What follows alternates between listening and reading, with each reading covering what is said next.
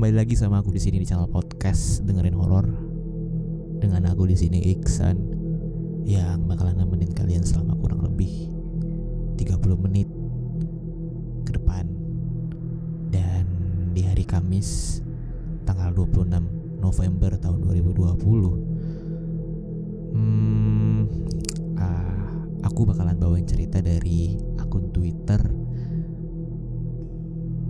Leli underscore Roshidah Nah si Leli ini atau Mbak Leli ini membawakan sebuah cerita yang berjudul Penghuni Pabrik Rokok Yang mana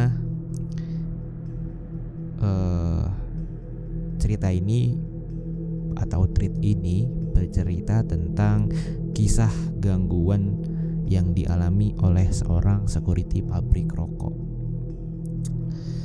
Oke, jadi sebelum aku mulai, aku mengucapkan terima kasih buat teman-teman yang sudah follow akun podcast dengerin horor dan sharing ke teman-temannya. Dan buat teman-teman yang dengerin di Apple Podcast, aku mengucapkan terima kasih juga sudah setia dengerin di Apple Podcast. Oke, jadi tanpa perlu lama-lama lagi, aku bakalan mulai ceritanya.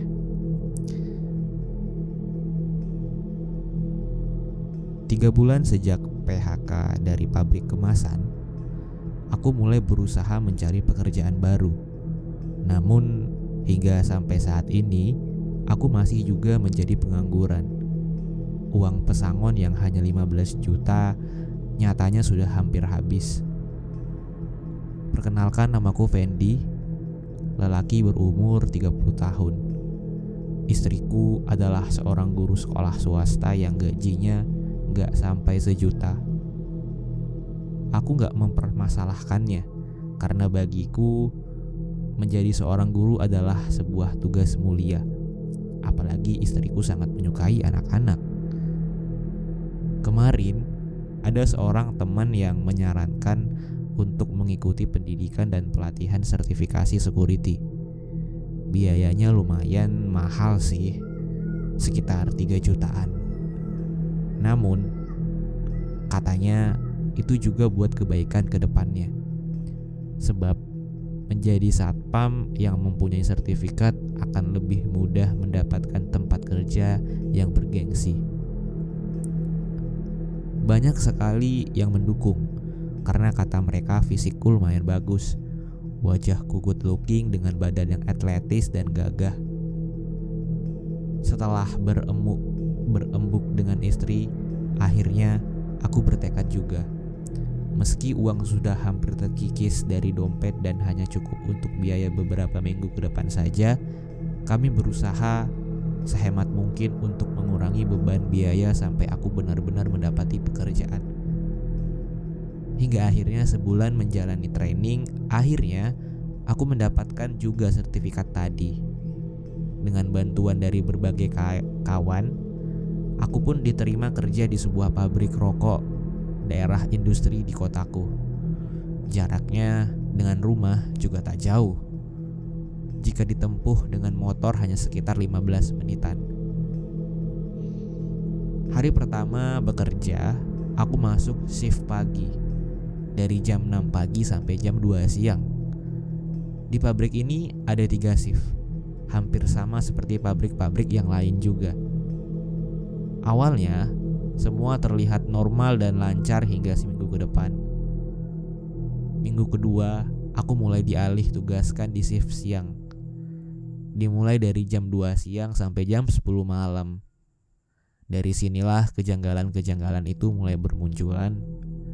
Saat hari mulai malam, setelah aku mulai tugas keliling gudang, tepatnya sekitar jam 8 malam, entah seperti ada angin yang melewati tengkukku, padahal aku berada di dalam pos satpam saat itu di ruangan yang berukuran 2 kali 3 meter itu sangat mustahil jika tiba-tiba angin bisa masuk.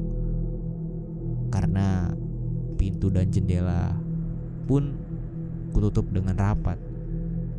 Dan kipas angin kecil berada di pas pas di depan meja yang sedang kutatap. Jadi Kecil kemungkinan kalau ada tiba-tiba angin yang melewati tengkukku. Bulu kuduku seketika meremang begitu saja atau merinding. Keusap tengkuk dengan sedikit bergidik, lalu perlahan mengedarkan pandang ke belakang dan sekitar depan ruangan. Tak ketumuk, tak ketemukan apa-apa.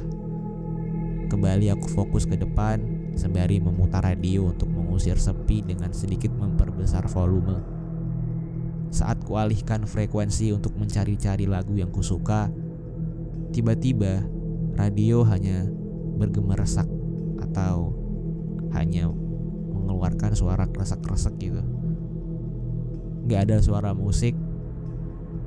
Akhirnya aku goyang-goyangkan radio supaya berharap bisa kembali berbunyi, tetapi hanya ada suara kerasak dan kerusuk dan dengingan dengingan yang kian melengking. Aku berdecak sendiri. Gimana sih ini? Tadi nggak apa-apa kok. Gumamku sembari terus memukul dan menggoyang-goyangkan antena radio. Kedebuk. Tiba-tiba suara sesuatu jatuh mengenai atap pos dan seperti terasa menggelinding ke bawah. Wah, ini pasti mangga yang jatuh, pikirku. Karena di atas pos memang ada pohon mangga yang sudah mulai berubah, mulai berbuah. Kulangkahkan kaki keluar dari pos mencari-cari keberadaan mangga yang jatuh. Lama aku mengedarkan netra, namun tetap tak kutemu. Ku ambil senter dari saku dan beralih ke samping pos Mataku melotot tajam saat menemukan gelundung peringis yang kusorot lampu senter. Kalian tahu gelundung peringis? Dia adalah sebuah hantu kepala yang suka menggelinding. Aku mematung melihatnya. Bibirnya meringis, tersenyum, menampakkan giginya yang kuning panjang berantakan. Begitu pula dengan rambutnya. Acak-acakan dan sedikit botak Kakiku mulai gemetar tak karuan dengan sisa tenaga. Secepatnya aku ambil langkah seribu masuk kembali dalam pos.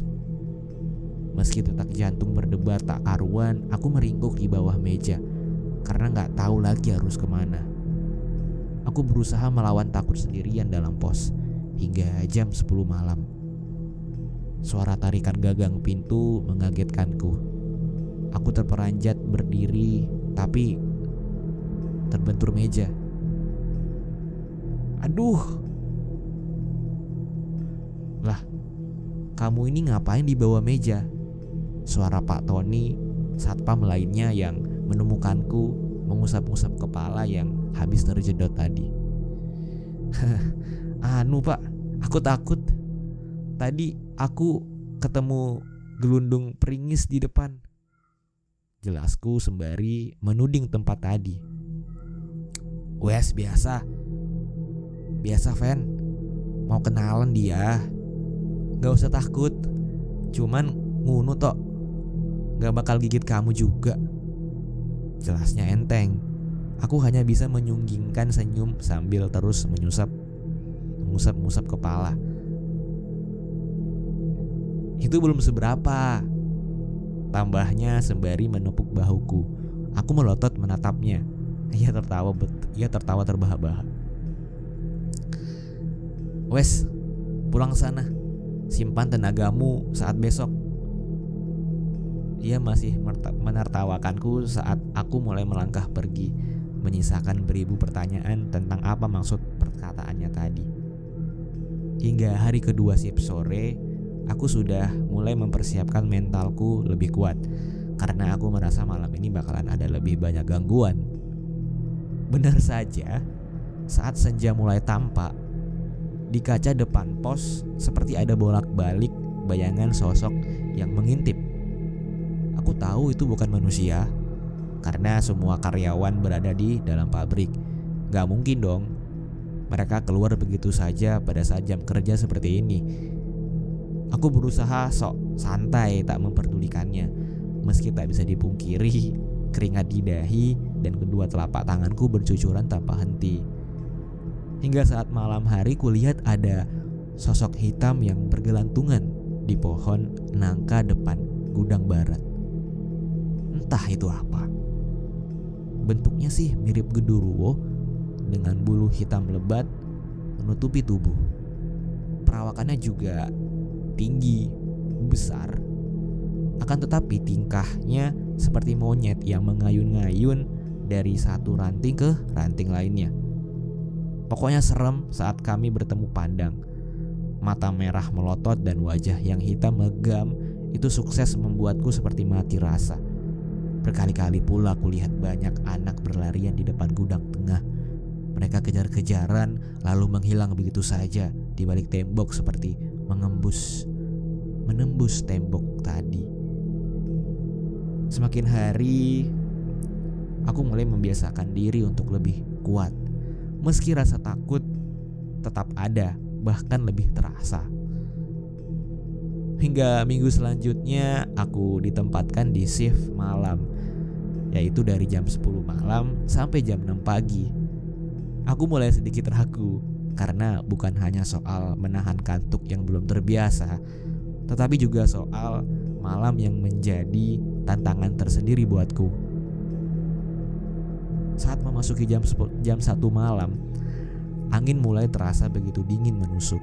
Berkali-kali ku tutup mulut, menahan diri dan menahan dari menguap sebab kantuk yang mulai tak terbendung.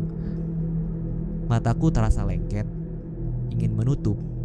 Kutopang wajah dengan kedua tangan di atas meja. Sesaat, kantukku hilang seketika saat ku dengar suara tangisan wanita yang begitu menyayat hati. Suaranya membuat semua bulu-bulu di tubuh meremang. Mata seketika melotot menyusuri pandang. Kuteguk ludah sendiri berharap segera berlalu. Akan tetapi semakin lama tangisan itu seperti seperti makin mendekat membuat air seni tiba-tiba terasa di pucuk ingin dimuntahkan. Kugenggamkan erat jemari ku menahan rasa ingin kencing. Aduh, Mbak, jangan ganggu saya. Di sini saya cuma kerja. Tolonglah, Mbak. Saya kebelet pipis nih. Aku bergumam sendiri, mencoba berkomunikasi. Entah dia tahu apa yang ku maksud apa tidak. Yang penting sudah berusaha. Kembali aku tersentak saat terdengar suara nyaring klakson truk yang sedang menanti di depan pabrik. Dengan tergesa aku berlari membuka pintu gerbang. Truk segera melaju masuk. Bang, tolong saya sebentar ya. Please. Kataku seraya menghimpit celana sendiri menahan air tubuh yang sudah semakin mendesak. Supir itu turun dan beranjak mengikutiku ia menghentikan langkah saat kami sudah berada di depan toilet. Apa maksudnya sampean ini? Tanyanya penuh selidik. Tungguin saya bentar bang. Kebelet banget ini nggak kuat. Saya takut. Izinku sambil mengatupkan kedua tangan. Ya udah, ya udah cepet. Setelah selesai, Kubuka pintu kasar memastikan abang supir masih berada di tempatnya. Dan ternyata tidak ada. Supir tadi menghilang tiba-tiba. Aku terperanjat saat menemukan sosok nenek dengan kabaya dan jarik batik sedang bersimpuh di sebelah toilet. Kakinya panjang dan mengecil di ujungnya. Rambutnya putih berantakan memandangku lekat tanpa kedip. Astagfirullah, ucapku kaget dengan perasaan berkecamuk, aku memutar otak, kubungkukkan badan dan merentangkan tangan kanan ke bawah, lalu berjalan melewatinya. Amit mbah, amit. Kulo badai lintang mawon. Kataku penuh hormat dan ngeri. Kulirik ia masih setia memandangku tajam hingga aku benar-benar keluar dari toilet ini dengan langkah terbirit-birit. Kulihat abang sopir tadi sudah berada di depan gudang bersama beberapa karyawan sedang mengangkut dus-dus rokok. Bang, kok ditinggal sih? Ngeri, tahu nggak? Haha, lucu sampean ini. Kayak anak kecil saja. Aku mulai sedikit lega karena suasana menjadi ramai. Kulewati malam ini dengan perasaan damai sampai pagi menjelang. Dek, kayaknya aku sudah nggak kuat kerja di pabrik itu. Ucapku pada istri yang sedang mengaduk kopi. Loh, gimana sih mas? Baru aja tiga minggu kamu kerja, masa udah nyerah? Belum juga gajian. Bukan karena apa-apa dek, gangguan mistisnya itu loh yang bikin mas gak kuat. Gini loh mas. Derajat manusia itu lebih tinggi dibandingkan makhluk lainnya. Kamu fokuskan saja pada titik itu. Insya Allah bakal jadi kekuatan sendiri buat kamu. Tuturnya halus penuh Aku pun mulai mengangguk meresapi. Mencoba berpikir positif dan kalimat yang dilomar Dari kalimat yang dilontarkan istri Benar katanya Aku harus lebih kuat menghadapi Toh mereka juga makhluk Tuhan sudah memang adanya kita hidup berdampingan meski dengan dunia yang berbeda. Hari ini aku masuk shift siang. Sejak subuh tadi kata bapak manajer, lampu depan kantor mendadak meledak dan mati. Ia sudah menelpon teknisi listrik dan katanya mungkin nanti sore petugasnya baru bisa datang. Ia memintaku untuk mengawasi karena ia akan pergi keluar kota. Sekitar jam 16 lewat 00, petugas listrik menepati janjinya datang. Kutuntun ia ke dalam, lalu membantunya juga memegangi tangga. Dengan sedikit gurauan, kami pun larut dalam suasana riang. Tit, tit, tit. Suara lampu sentruk yang akan memasuki wilayah pabrik. Bergegas aku pamit dari petugas listrik untuk membuka pintu gerbang. Aku sibuk dengan aktivitas angkutan barang sampai lupa pada petugas listrik yang tadi kutinggal. Hingga senja mulai menampakkan wujudnya, kutemukan abang petugas listrik lari pontang-panting ke arahku. Ngapain bang? Duh bang, besok aja ya aku terusin.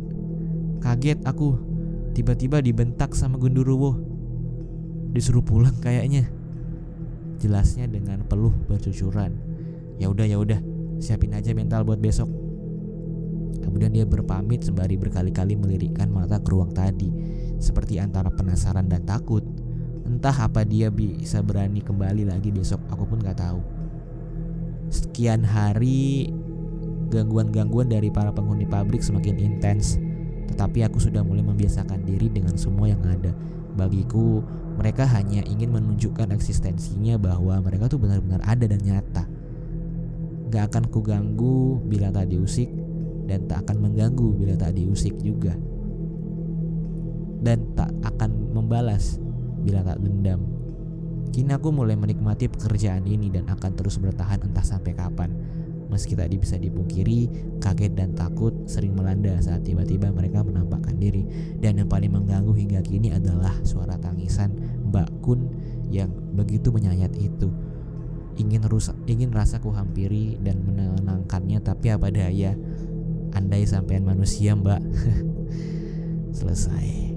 Sudah tamat teman-teman ceritanya jadi itu dari cerita dari akun Twitter @leli_roshidah tentang sebuah atau seorang security yang mengalami gangguan-gangguan saat ia bekerja di sebuah pabrik rokok. Well, teman-teman, terima kasih sudah mendengarkan sampai habis. Aku Iksan. Sampai jumpa lagi di episode berikutnya.